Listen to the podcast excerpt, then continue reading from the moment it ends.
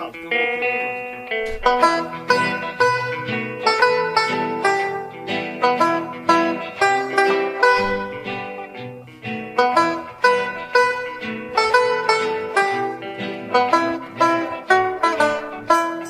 Jag kommer prata så här då som sagt. Och då...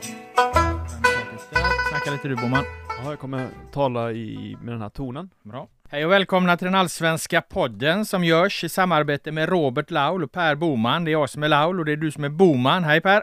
Hejsan.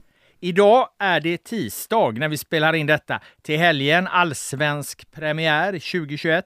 Vi ska blicka mot den. Vart ska vi? Vad ska vi se och vad ser vi fram emot? Men vi kommer också i det här avsnittet att prata skador som vi inte hann med förra veckan. Vi ska göra en filosofisk utsvävning och resonera kring slumpens betydelse i framförallt fotbollen. Eh, samt vilka som egentligen är de sämsta positionerna i årets allsvenska. Men vi ska börja med ett löfte.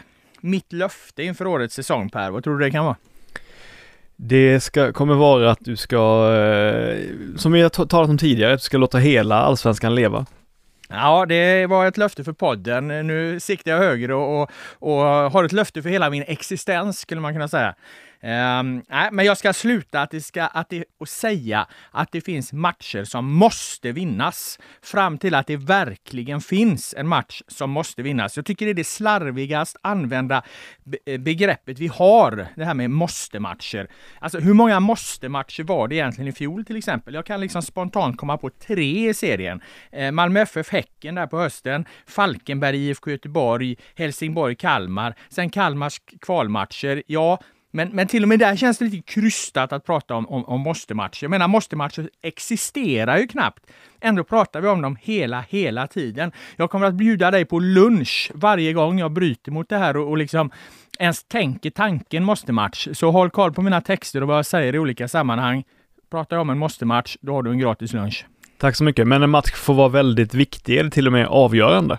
Absolut. Men håller du med om själva Ja, teorin här? Att jag som har gått och rättat upp mig på här? För vi använder det så otroligt ofta. Ja, ja. Pratar men jag- om de här jävla måste-matcherna. Nej men jag satt själv då och kollade på den- spelschemat då första omgången och tänkte så här, ja nej men Blåvitt måste nog eh, Ja, ju vinna, vinna borta mot Örebro för att, för att de ska komma in i säsongen med rätt känsla och Hammarby borta mot Malmö, ja det är nog lite av en måste-match. Så att jag, nej jag, eh, jag håller med dig. Ja, man går in liksom i, i, i, i måste-match-träsket, måste-matchfällan direkt redan efter första omgången. Det är ohållbart alltså. För att skapa mening i sin, i sin tillvaro Ja, kanske. men håller du med det jag sa då att, att om man de, de matcherna som kommer närmast då i fjol var Malmö, Häcken, eh, Falkenberg, Göteborg, Helsingborg, Kalmar och kvalmatcherna. Eller har du någon, någon liksom så här med facit i hand där du känner att okej, där i fjol var det faktiskt befogat och, och, och närma sig begreppet? Ja men du sätter mig lite i, i svårt där jag ska komma på någon, men det, det, de, det är däremot som jag det verkligen fungerar på, eh, tänker på måste-matcher, det är ju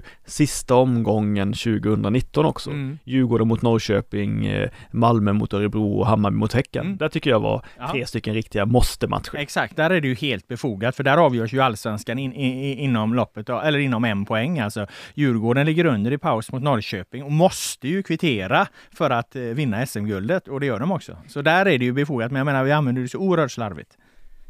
Eftersom det finns ju ett tydligt exempel när det är rätt och alla andra exempel är ju egentligen fel. Mm. Bra, då var det avklarat, eh, löftet lagt. Eh, vårt första ämne idag då, det är att spotta lite taktiska trender eh, 2021 och framförallt eh, helgens snackis eller det som borde varit eh, den allsvenska fotbollens stora snackis, men, men som skedde i en match som inte var tillräckligt välbevakad egentligen. Så det här har ju gått helt under radarn för de flesta förmodligen.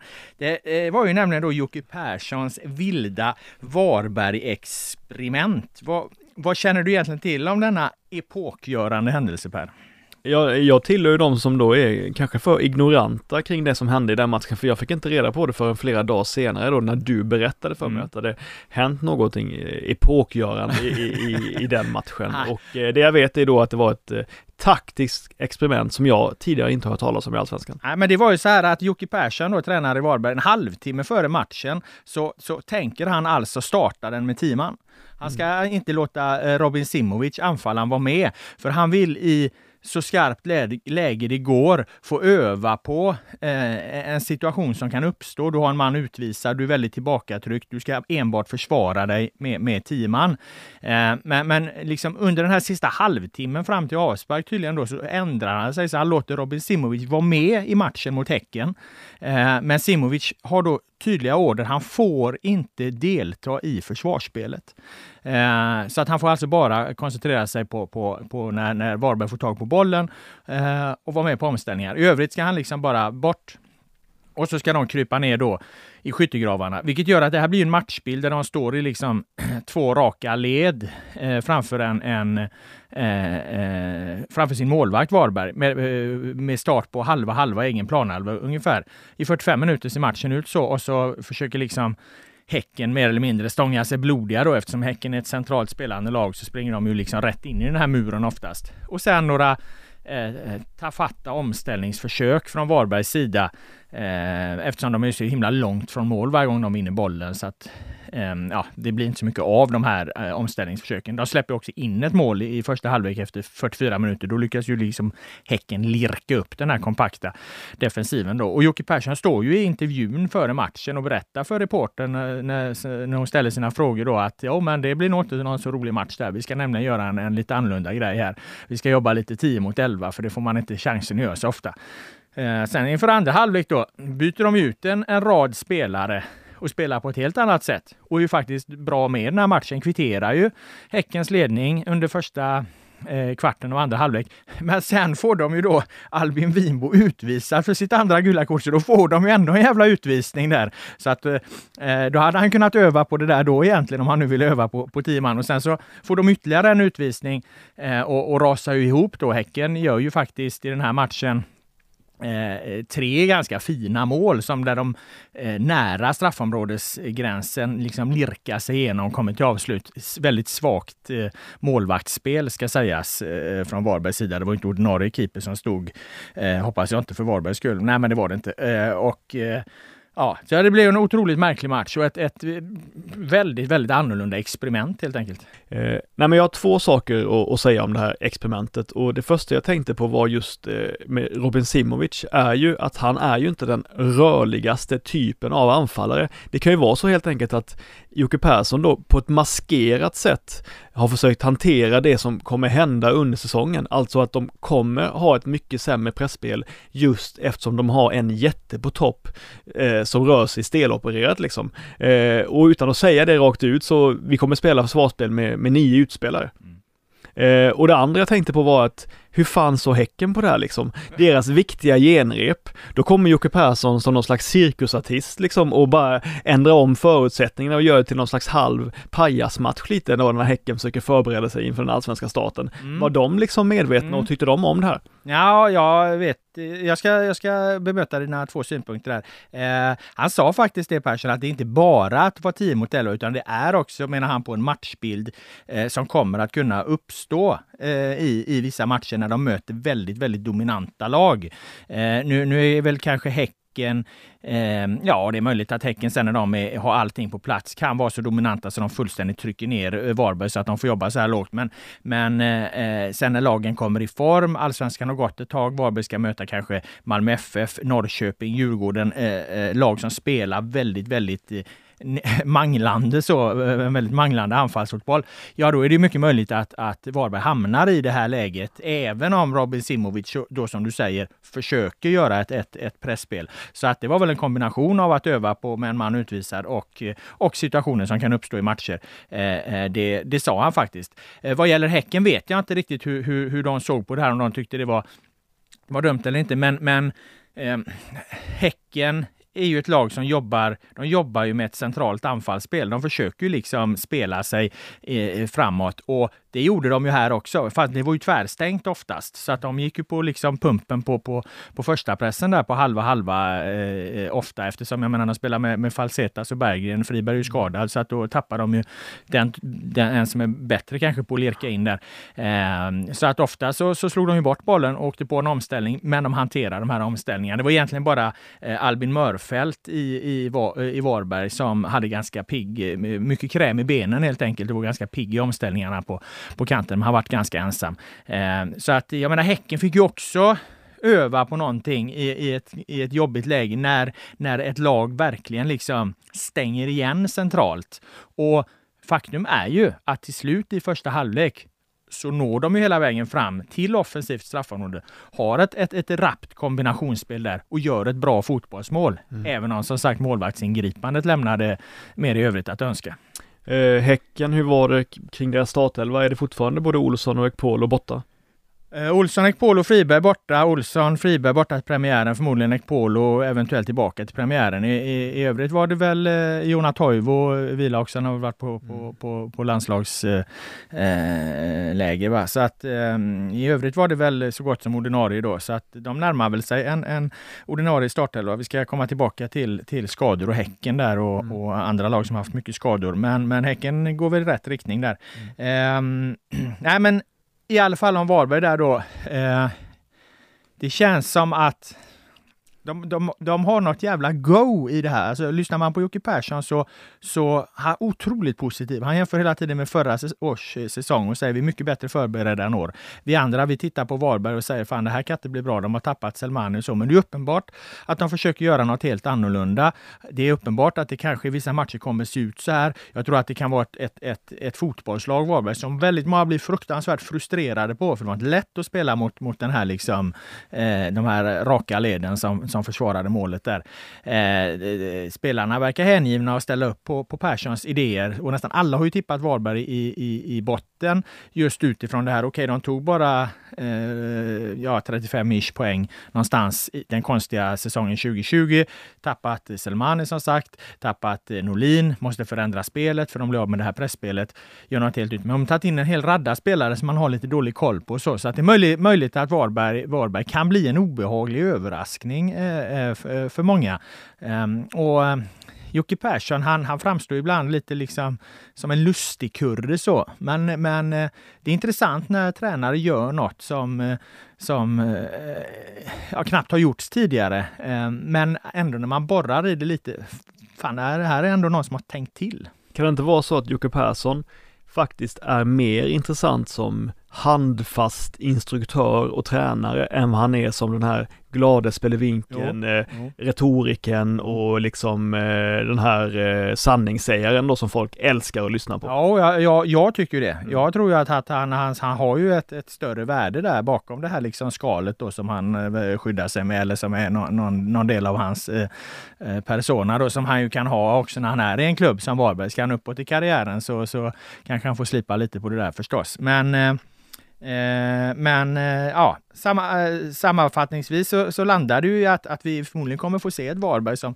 som kan spela på ganska många olika sätt. Och det var väl någonstans där jag ville leda in det här ämnet eh, inför säsongen här nu. Vad har du sett hos lagen som sticker ut? Vilka spelar på ett sätt som vi kommer lägga märke till? Om Varberg eh, tillämpar den här ultradefensiven med, med två raka led liksom eh, i, i, från halva halva egen planhalva, då är det klart att det kommer sticka ut. Det, kommer, det är extremt lågt. Eh, vad har du sett? Ja, jag tänkte vara lite så bredare i hur jag angriper det här ämnet och det var att eh, så att jag intervjuade Dennis Hymmet för någon månad sedan kanske, eller några veckor sedan eh, och pratade lite med honom då och snackade lite om hur ÖSK skulle spela och sådär. Eh, och eh, då sa han det här citatet, vi måste fortsätta vara aggressiva utan boll. Man kan inte bara ha possession hela tiden. Fotbollen utvecklas och lagen kommer straffa dig om du bara försöker hålla i bollen utan att göra någonting med den. Många lag i allsvenskan vill ligga på kontringar. Vi måste komma in i ett flow, vara aggressiva och vinna bollen högt upp i plan. Och när jag hörde Dennis Hymmet säga det, då, då fick jag en känsla av att det var någon slags just Hymmets citat var ett slags lackmustest på den allmänna uppfattningen om vilka taktiska överväganden som är rimliga.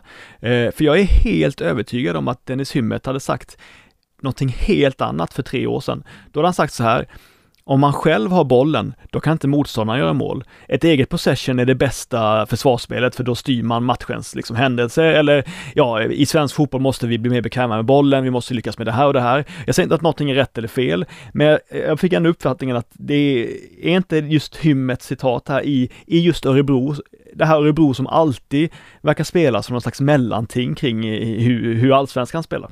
Jo, jag håller med. Örebro spelar ju då ett, ett 4-4-2-spel eh, i år och jag menar när jag kom tillbaka till den allsvenska bevakningen eh, 2018 och, och liksom höll fast vid de principer som jag än idag håller fast vid. Då hade man ju blivit kölhalad om jag hade sagt något liknande som, som Hymmet sa. Då hade man ju varit en bakåtsträvare om man ens andats där och dessutom i ett lag som spelar eh, 4-4-2. Hela liksom den här polariserade debatten med Poya Asbaghi och allting som var där, eh, så gick det ju knappt att uttrycka sig så som Dennis Hymmet gör här. Jag är glad liksom att, att, eh, att äh, samtalet äh, ligger på en mindre dramatisk nivå kring det här. För jag menar, det är ju det är olikheterna någonstans som berikar. Det är bra när, när alla gör lite olika saker, inte att det dogmatiskt ska vara på ett visst sätt, att nu måste alla hålla på med possession. Nu måste alla slå långt och så vidare och så vidare. Jag menar, jag tror att det är när de här olika skolorna möts, då, då, då uppstår ju någonting. Men ingenting är ju i grunden bättre än något annat annat, utan det är fortfarande liksom spelarnas skicklighet som avgör och ytterst då ovanpå detta ligger pengarna som styr och det väger ju mycket tyngre.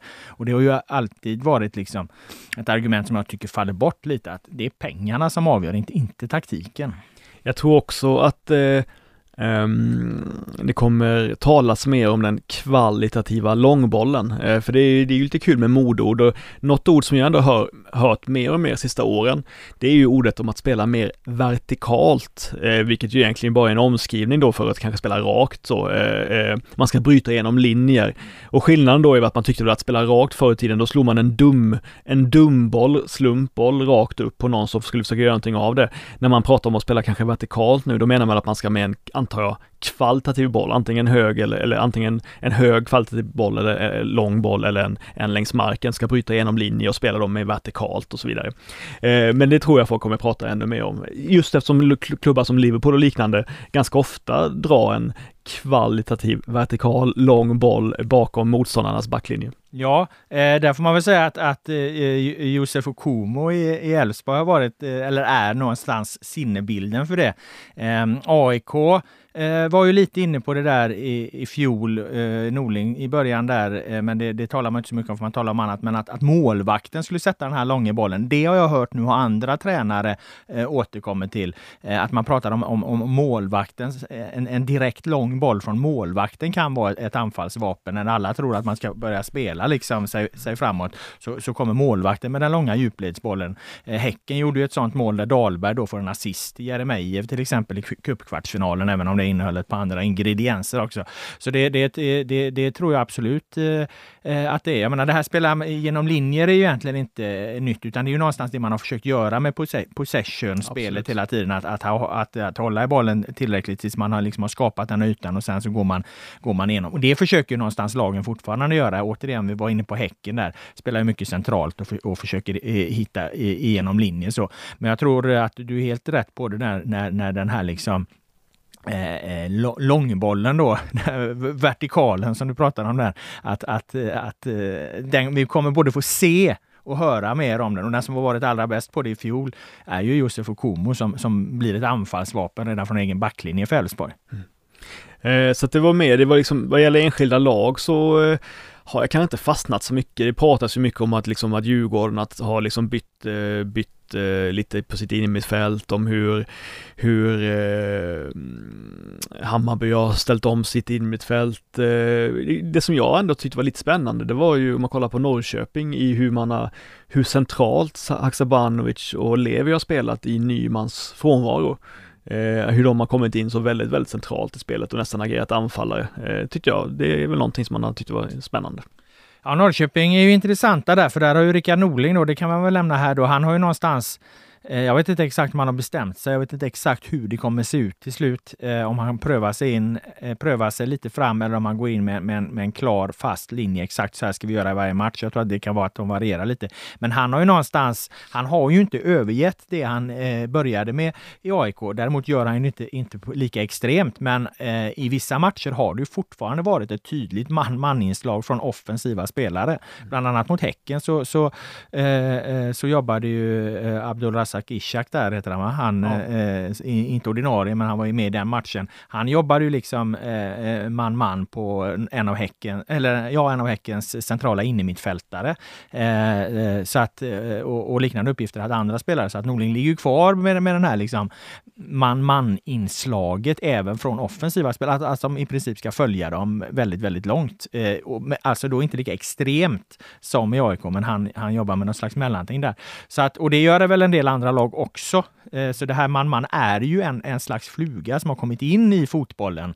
Eh, dock eh, utförs den inte så extremt som det gjorde, eh, gjorde i AIK, men det definitivt har det skett ett, ett trendbrott att man-man-inslaget över hela plan är mycket mer närvarande i dagens fotboll än vad det var bara för två, tre år sedan.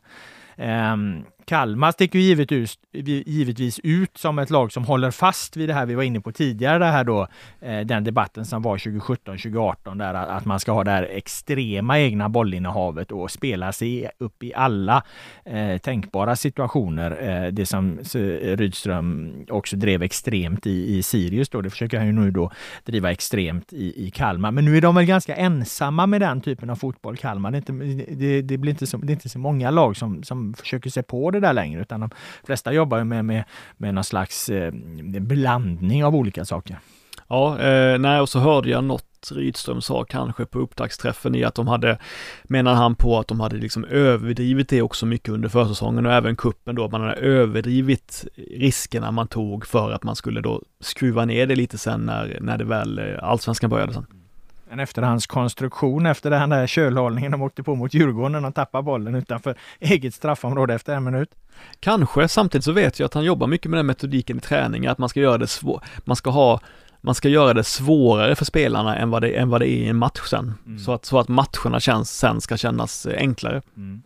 Um, I övrigt, ett lag som jag har ändrat mig lite om Eh, Eh, under försäsongen är eh, AIK. Jag hade bilden av att okej, okay, eh, Bartosz Jelak eh, kliver in och eh, eh, om, gör en omstart på den svartgula eh, maskinen som, som med kraft och, och med, med, en bra backlinje, ett bra försvarsspel och, och, och, mycket kraft trycker tillbaka sina motståndare och sen gör de 1-0 sent på en hörna. Eh, det känns som att AIK jobbar lite mer avancerat än så när man tittar på, på hur de spelar. Det är ganska mycket plats byten och, och, och, så. Så att jag tror liksom inte att eh, det vi såg i, i, i fjol var långt ifrån slutprodukten av, av det som Jellak eh, eh vill göra, utan jag tror att eh, eh AIK kommer nog uppträda lite mer, eller på, kommer nog uppträda på ett lite annat sätt eh, än vad de gjorde i fjol. Mm, absolut. Eh, IFK Göteborg eh, sticker väl ut lite grann kan man säga med, med ett väldigt liksom eh, positionsinriktat 3-5-2 system där de har, eh, eller 3-5-2 formation där de har jobbat, jobbar oerhört mycket med, med försvarsspelet. De har inte liksom den här tidiga återerövringspressen på samma sätt längre utan nu ligger de i, i, i sin 3-5-2 formation och, och eh, där har de en bra bit kvar, kanske framför allt för att de inte har några spelare på vänstersidan. De har varken en, en, en ett riktigt bra tredje eh, mittbacksalternativ där till vänster. Sebastian Eriksson kom ju fel lite då och då. Eh, och, och, och, nu har Alexander Jallov då fått vikariera mm. som vänstervinge och han är ju till höger egentligen så att det är dubbelt ovan position där så att de, de, de blir ju liksom väldigt sårade mot Värnamo.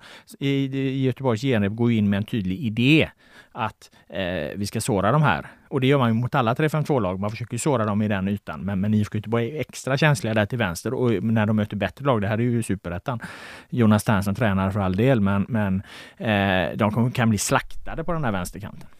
Men för att vara en person som lägger noll vikt vid försäsongens matcher så tycker jag ändå att du har lagt väldigt stor vikt vid de taktiska övervägandena under, under, eh, under vårmånaderna. Alltså grejen är att jag har eh, eh, kommit in i en bra träningsrytm och det bästa sättet att eh, stanna kvar länge på gymmet det är att sätta på en av de här träningsmatcherna som går att se på Discovery i efterhand. Jag menar, slänger du på en halvlek där, ja då har du ju plötsligt gjort 45 minuter på, på crosstrainen. Eh, så att det är en kombination av en ökad, eh, det, eller det egentligen, beror egentligen på en ökad träningsvilja hos mig själv att jag ser de här träningsmatcherna och ska jag säga, möjligheten att eh, se dem i efterhand mm. på tv. Jag vet inte, har den funnits tidigare på det här sättet? Kanske den har. Jag har liksom inte, i alla fall inte, kanske har funnits i tio år, men, men jag bryr mig egentligen inte om träningsmatcher. Men nu går de på ett lätt sätt att se på mobilen i alla fall och eh, eftersom jag då tillbringar mycket tid på crosstrainen så, så har jag sett ett par. Ja men det är väl det väl så att det, att det är att man kunde inte göra det lika enkelt förut så jag vill ändå ge eh, Discovery det att det har de skött bra. Ja, nej, men det är en, en supertjänst i alla fall för oss som, som eh, bevakar det. Sen vad som sagt vad det betyder i slutändan, det vet fan. Mm. Eh, träningsmatcher saknar ju normalt sett betydelse tycker jag. Eh, är vi nöjda med de taktiska trenderna eller ja. har du eh, något annat du tycker förtjänar att eh, lyftas? Nej, dags att gå vidare tror jag. Dags att gå vidare. Då går vi till Ehm, eh, veckans, eller helgens då, stora match får vi väl kalla det. Det var en tävlingsmatch eh, som inte var en av alla dessa träningsmatcher utan vi hade en cupsemifinal mellan eh, Djurgården och Hammarby. Hammarby vann med 1-0 i en märklig fotbollsmatch eh, där man kan fundera på om det är rimligt att tala om tur eller slumpen då eh, som gör att de vinner den här matchen. Och det ska jag utveckla i en frågeställning här Per Boman. Och frågan som detta ramlar ner i, jag vill förvarna det här, det kan vara den mest komplicerade fråga som någonsin ställts i en fotbollspodd, så lyssna uppmärksammat. För att när man pratar om slumpen eh, så handlar ju det om ofta avsaknad av kunskap varför något händer. När man inte riktigt kan förklara ett skeende så tenderar många att prata om tur eller slumpen. I vissa fall går det över i konspirationsteorier då, men det är en helt annan diskussion. När det gäller den här slumpen då, så finns det två olika sätt att se det. Och jag lyssnade på Ulf Danielsson, professor i teoretisk fysik vid Uppsala universitet, när han pratade om detta i, i SRs filosofiska rummet häromveckan. Och jag har lånat hans beskrivning då för att föra över den till fotbollens värld. Inom fysiken så talar man om begynnelsevillkoren. Eh, att man inte riktigt känner till hur de ser ut. Och då finns det ett utrymme för flera olika utfall. Och det är egentligen det man menar då när man talar om slumpen. Men det är ju alltså ingen slump egentligen. Det är bara att vi saknar kunskap om en händelses begynnelsevillkor som ju då kan leda till flera olika utfall och det utfallet det blir, det förklarar vi med slumpen för att vi känner till begynnelsevillkoren för dåligt. Vi har alltså en avsaknad av kunskap. Samma inom meteorologin eller närmare bestämt då kaosforskningen där man talar om den här då, och den är ju känd, fjärilsvingseffekten. Att en fjäril fladdrar till med en vinge eller inte. Och det avgör om det kommer bli en storm på andra sidan jorden eller inte.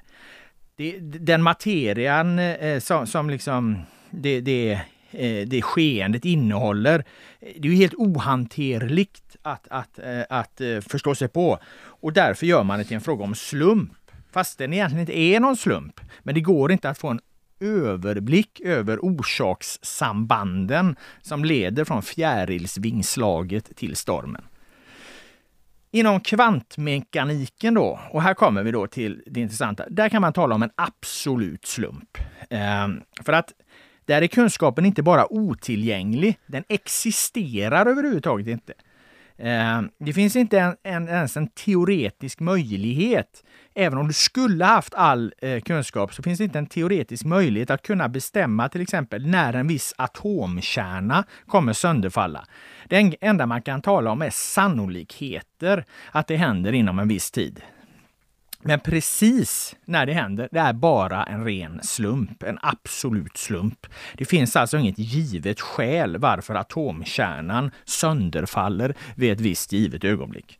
Och då är frågan Per Boman, var Hammarbys mål mot Djurgården en absolut slump? Eller är det bara svårt att förklara? För att det är ju en slags fjärilsvingseffekt här. Gustav Ludvigsson får en felträff. Bollen är på väg till inkast, men mittbacken eh, Ouattara Mohammed har dröjt sig kvar i straffområdet efter en hörna. Han träffas i magen när han inte hinner flytta på sig och bollen går i mål. Matchens enda mål. Ett turmål eller inte? Eh, tack för den utläggningen, det var intressant. Jag ser det som att när vi pratar om när vi pratar om någonting att det är slumpmässigt, då pratar vi nästan alltid om att det har haft en liten chans att hända, liksom, att det är osannolikt. Men vi kan ju ändå se så här, eh, att man slår Yatzy tre gånger på raken, det är osannolikt, men det finns objektiva förutsättningar för att man ska kunna slå tre Yatzy på raken. Och jag tycker att Hammarbys mål mot Djurgården, det är ungefär som att slå tre stycken Yatzy på raken. Det går inte att det är liksom, om någon annan har, eh, har, har liksom, ehm, ja men jag, jag ser liksom inte, eh, det är klart att det finns liksom, det finns Hammarby är trots allt tagit, tagit, de har trots allt lyckats få en hörna det kommer från en hörna väl, lyckats ta sig in i straffområdet och då har man ändå skapat själv möjligheten att någonting skulle kunna hända. Men det är ju inte slumpen att det händer, det är bara väldigt osannolikt att det händer. Vilket gör att man kan egentligen inte kritisera Djurgården så mycket för att det blir så, eftersom de ändå har försvarat sig så pass bra så att det är osannolikt, men det är inte slumpen. Eh, Köper du det eller? Ja, jag ska, ja men, men jag ska komplicera då eh, ditt svar lite till där för att eh, det, jag, jag håller precis med om det. Det är ju en skicklighet liksom att, att eh, Hammarby överhuvudtaget är i den här eh, semifinalen. Det är en skicklighet som du säger att de får hörnan. Det är en skicklighet att eh, eh Ludvigsson befinner sig där han ska. Eh, det, det, det ju, går att säga att det är en skicklighet av en mittback att dröja sig kvar och inte rusa hem direkt när bollen går ut i en andra våg. Eh, för att det är så målet kommer till. Så att det finns massa ingredienser av, av skicklighet som gör att det här målet kommer kommer till. Eh, sen är ju då själva, själva tillslaget är ju en felträff. Han gör ju någonting som han inte menar att göra.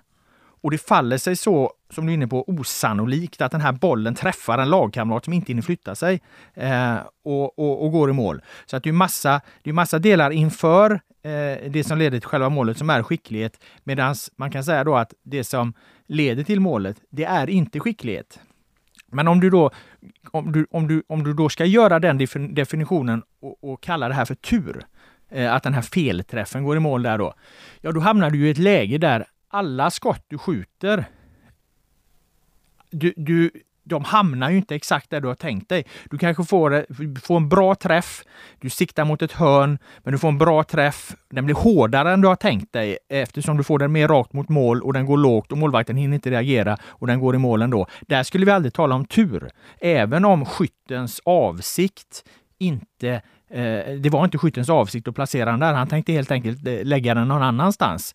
Eh, så att om vi, ska, om vi då ska kalla den här snedträffen för tur, då måste vi också kalla massa andra avslut för tur. För det, det är ganska sällan eller sällan är det väl inte, men det är ganska ofta ett avslut inte sitter exakt där eh, eh, spelaren har tänkt sig. Särskilt i kanske nickar eller när man fläker sig fram eller så. Och, och, det kallar vi normalt inte för tur. Så att jag landar väl också någonstans i att det är med alla, med all fakta på bordet så att säga, så är det ju här målet som den spontana reaktionen är, vilket jävla flytmål, fan vad tur de hade. Så reagerar ju alla på det målet, eller hur? Mm. Vilken jävla slump eller vilken tillfällighet, bla bla bla liksom, vilket ord du, du väljer, ödet, vad det nu kan vara.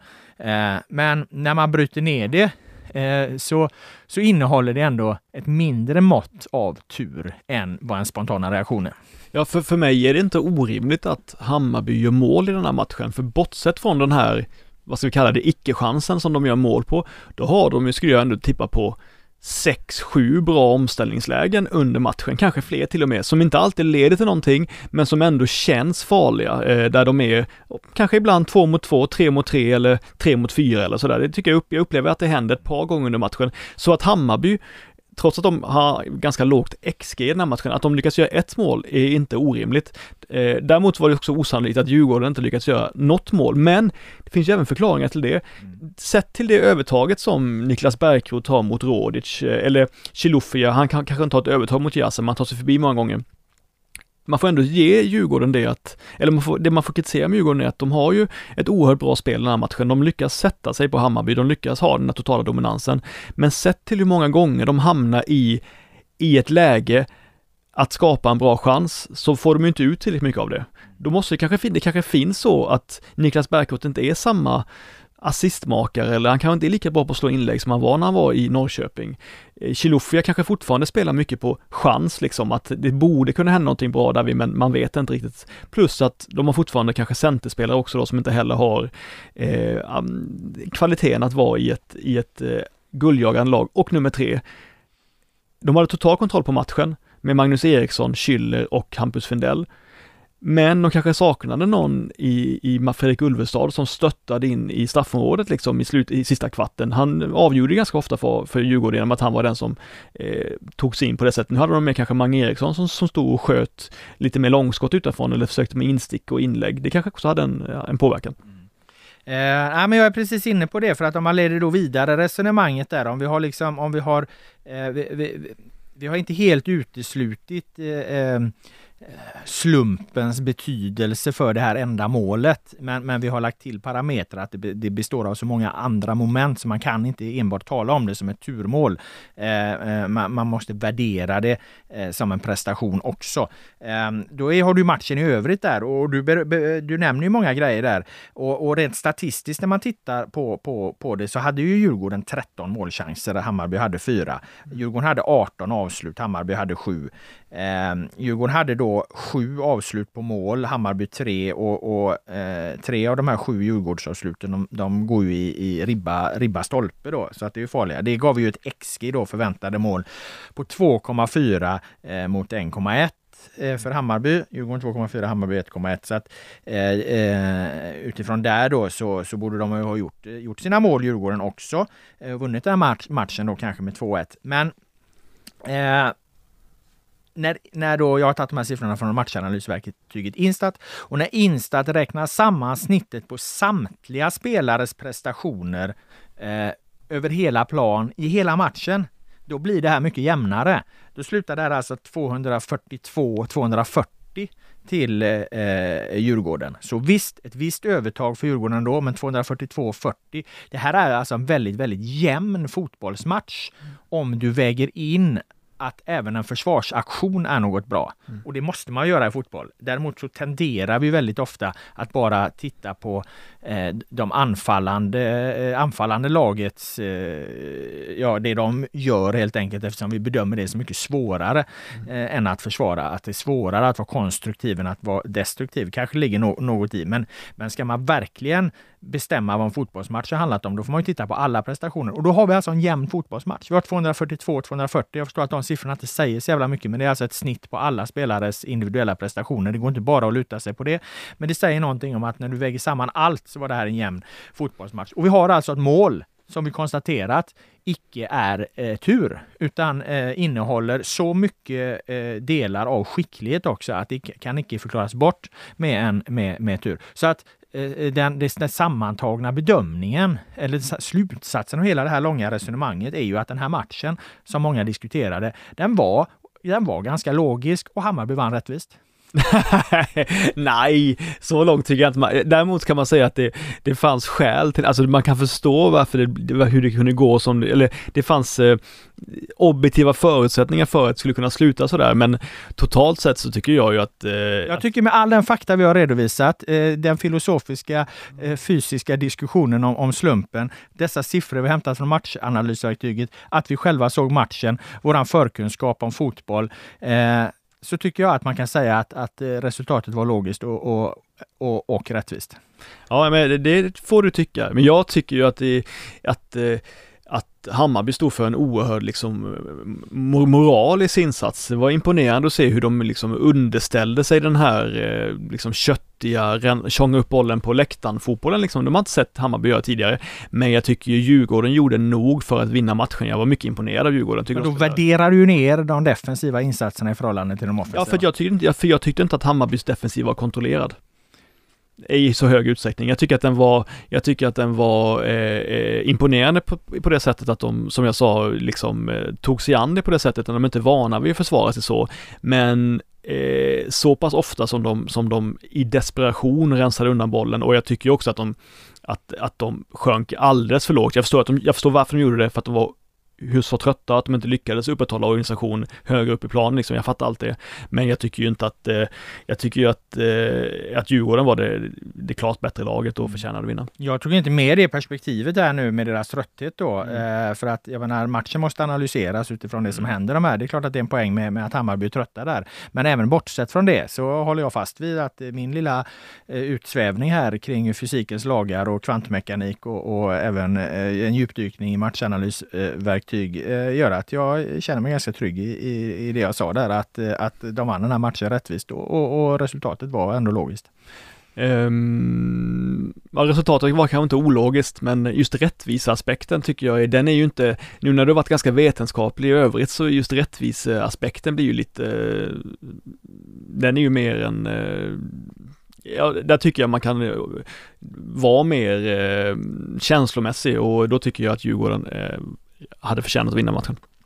Årets final i kuppen eh, blir ju då eh, Hammarby mot eh, Häcken och eh, ett Häcken som eh, kan ta fyra medaljer i år. Den historiska första kvadruppen om man även räknar in att de har ett damlag eh, numera. Har du tänkt på det? Att de är i final, båda lagen är i final i kuppen och båda eh, lagen är, är topptippade i, i, i tabellen. Hämta hem fyra medaljer till Hisingen helt plötsligt. Det hade jag inte tänkt på, men normalt sett så brukar man ju inte räkna ihop två olika lags möjlighet att vinna, men det var ännu en pigg spaning. kvadruppen. Jag har faktiskt aldrig hört någon prata om den, om den tidigare. Någon måste vara först. Därmed byter vi ämne och eh, eh går in på en eh, annan eh, intressant eh, en intressant frågeställning som alltid är relevant under försäsongen och det är ju, ja under hela säsongen egentligen, och det är ju det här med skador. Varför slår skador, eller upplevs i alla fall, slå olika hårt mot olika lag? Eh, varför är då till exempel IFK Göteborg och Häcken så hårt skadedrabbade i år, eller har varit? Under försäsongen har Blåvitt och Häcken då tillsammans haft 30 spelare på skadelistan enligt en pigg sammanställning som Göteborgs-Posten gjorde. Ehm, och varför blir det så? Kan man ju då fundera på. Och då eh, har ju GP pratat med Häckens sjukgymnast Patrik Gazarian och han får ge sin förklaring varför det har blivit som det blivit i Häcken. Han säger att det här är en väldigt komplex fråga. Eh, Men om man tar det från början så handlar det om förra säsongen tror han, alltså coronasäsongen 2020. För att när, när svensk fotboll valde att stänga ner, eh, eh, och det var ju då i april-maj eh, eftersom säsongen sköts upp, eh, så valde Häcken att, eh, att inte gå på semester utan de körde hårt för att klara det täta spelschemat och det gav frukt. Vi hade väldigt lite skador fram till augusti och kom trea. Eh, och sen blev säsongen en månad längre, men vi fick inte en månad mer vila. Jag tror att en, en stor anledning till då Häckens många skador är en förlängd säsong förra året. Så, så kan man förklara det där. Eh, Gazarian då och även tränaren Andreas Alm, de pratar också om vädret. Att det är nästan 25-30 grader kallare i år än vad det var i, i, i fjol, säger Alm. Eh, och han menar väl då alltså att när säsongen avslutades jämfört med vad det har varit nu då, eh, kan jag tänka mig. Um, uh, och han menar att han kan ha underskattat då den här skillnaden i temperatur och borde haft längre uppvärmningar och sådana saker. Uh, så där pratar de ju mycket då om, om, eh, om den typen av eh, förutsättningar. Då. Sen så berör de även IFK Göteborg som ju har haft väldigt mycket skador också, men de har haft en annan typ av skador. De har inte haft då, för Häcken har haft väldigt mycket belastningsskador och det är egentligen bara Marek Hamsik då som när han drog sin vad där eller fick ont i vaden. I övrigt är det spelare som har åkt på smällar, eh, duellskador. Uh, och i IFK Göteborg pratar man liksom um, någonstans om otur och så här att Kolbeinn Sigthorsson han bröt handen under ett landslagsläger. Många, många så här konstiga skador liksom. Uh, men varken Blåvitt eller Häcken, ja lite Häcken inne på det här då med åldersstruktur. Uh, de nämner ju det som jag, som jag tror och förstår egentligen är det mest grundläggande. Vad är det liksom för spelare man har värvat och vad är det för spelare man har i truppen? Eh, spelare med stor skadehistorik tenderar ju att bli eh, skadade på nytt. Eh, jag menar, det är ju ingen slump att Kol- Kolbeinn Sigthorsson, han gjorde väl inte två matcher i rad i AIK? Möjligen någon gång, men under två år där. gjorde han någon gång, Ja, men, men, men, sällan. men i, i, regel eh, i, i, kunde han inte spela eh, två matcher i rad för det mesta. Eh, så att det är ju liksom ingen konstigt att han då inte så van vid att befinna sig i, i matchsituationer att han hamnar snett och, och får någon annan typ av skada. Eh, Karl Johansson, mittbacken där som, som blir skadad, eh, vilket var ett tung, tungt tapp för Blåvitt. Han har en lång skadehistorik. De har mycket äldre spelare. Robin Söder har jättemycket eh, skadehistorik. Jakob Johansson vet vi på senare tid, jättemycket skadehistorik.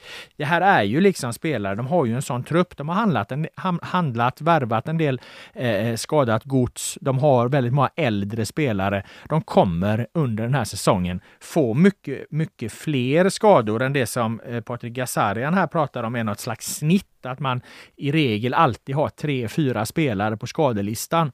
Kan gå upp, kan gå ner, men, men någonstans så, så ligger man där omkring 10-15 procent i en fotbollstrupp och då, då har du ett par, tre, fyra man som är på skadelistan. Men om du har en trupp som ser ut som IFK Göteborgs, många väldigt gamla spelare, många för all del också många unga spelare som när de tar klivet upp kan lätt bli skadade när belastningen ökar och allt det här. Eh, och sen då de som kanske är mitt emellan i ålder, de har en lång skadehistorik för de är handlade på, på skadat godsavdelningen och de har handlat från skadat godsavdelningen. Ja, då kommer du få mycket, mycket fler skador. Det är fullständigt logiskt. Däremot tycker jag inte att Häcken riktigt kan placeras in på, på de, de har inte värvat eh, skadat gods på, på, det, eh, på det sättet.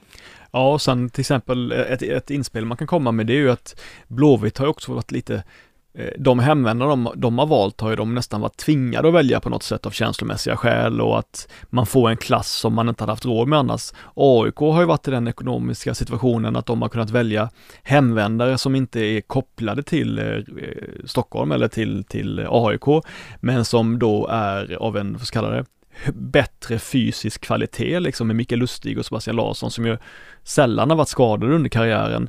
Inte alls varit särskilt skadade, eh, knappt någonting alls sedan de kom till AIK heller, trots en, en högre ålder.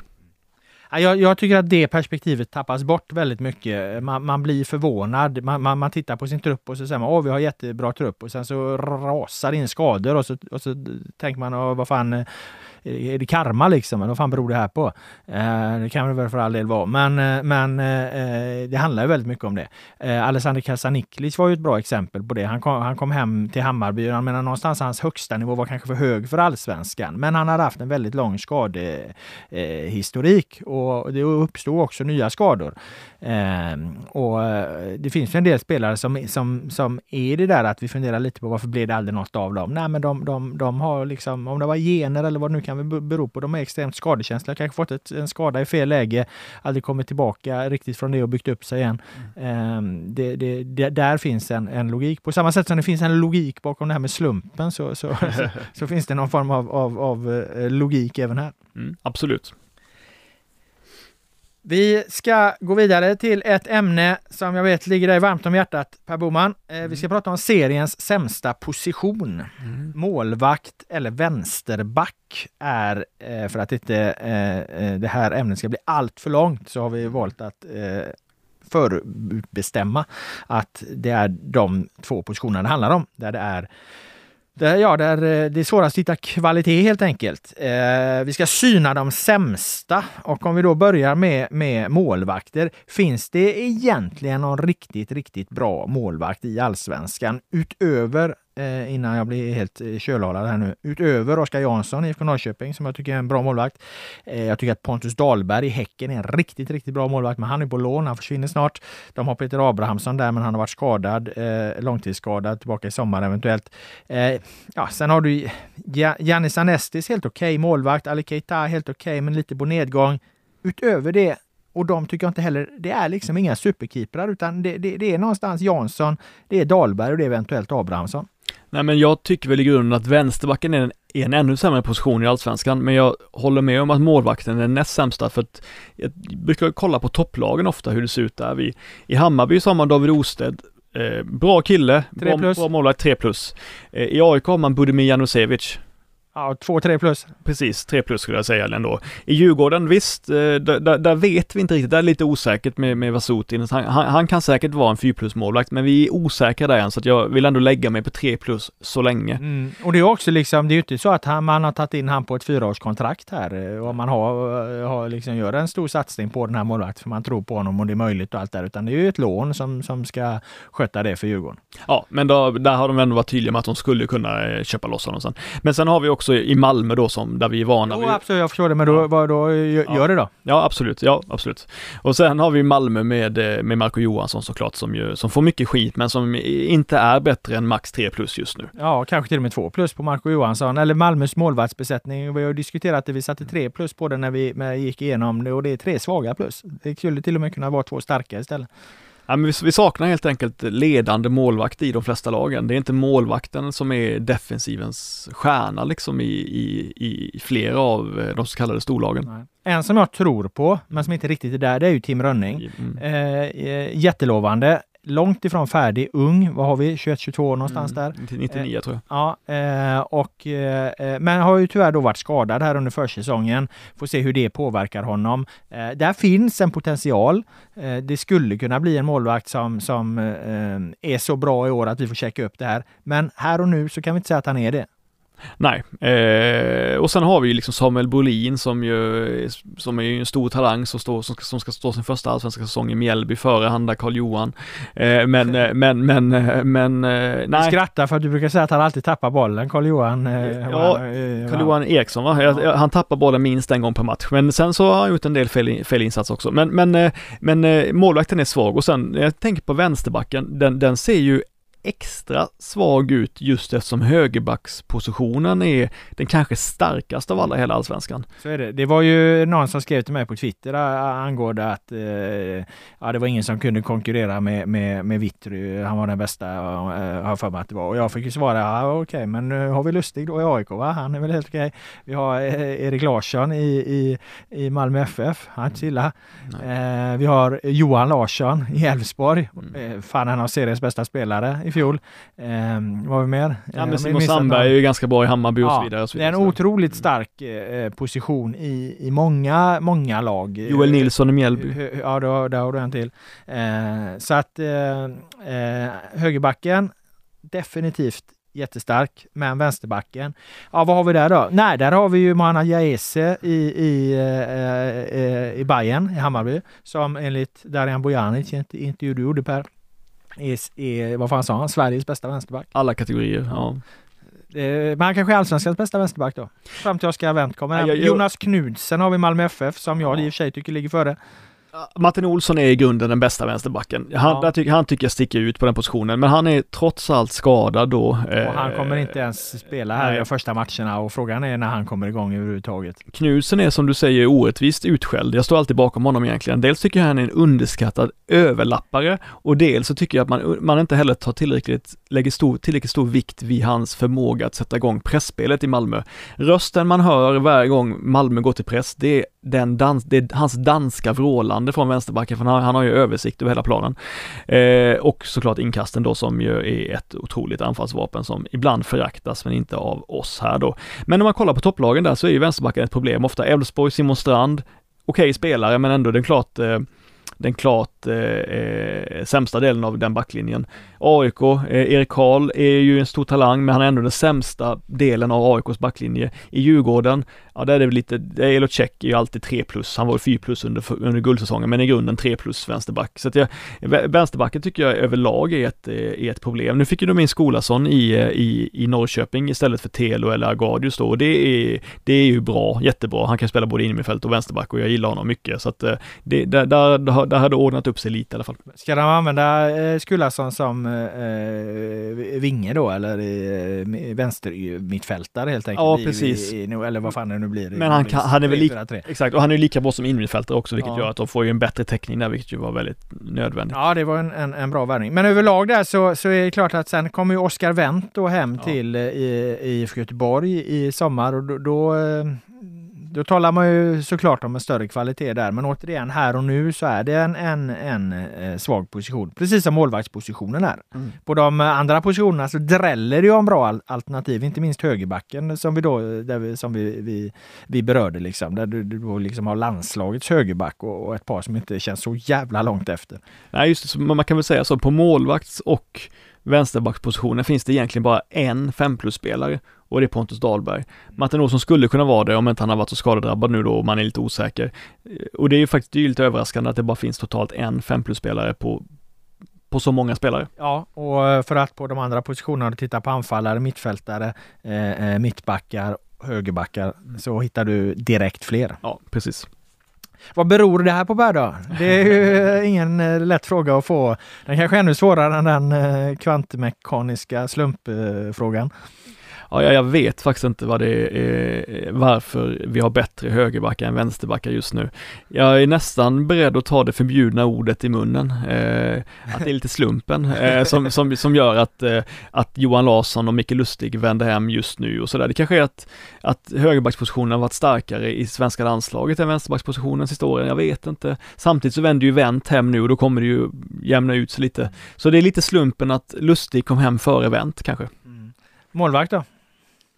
Ja, nej men ehm, för att ja, det var Ja, inte men- så jävla länge sedan vi Nej. satt här och tyckte att fan var det, jag tror Nej. bara det är två år sedan så pratade vi om Det- att ja. eh, Satan var mycket bra målvakter. Men å andra sidan har ju några eh, stuckit. Isak Pettersson Mm. har, har ju lämnat eh, och eh, stagnerade ju lite sista året ändå får man väl säga.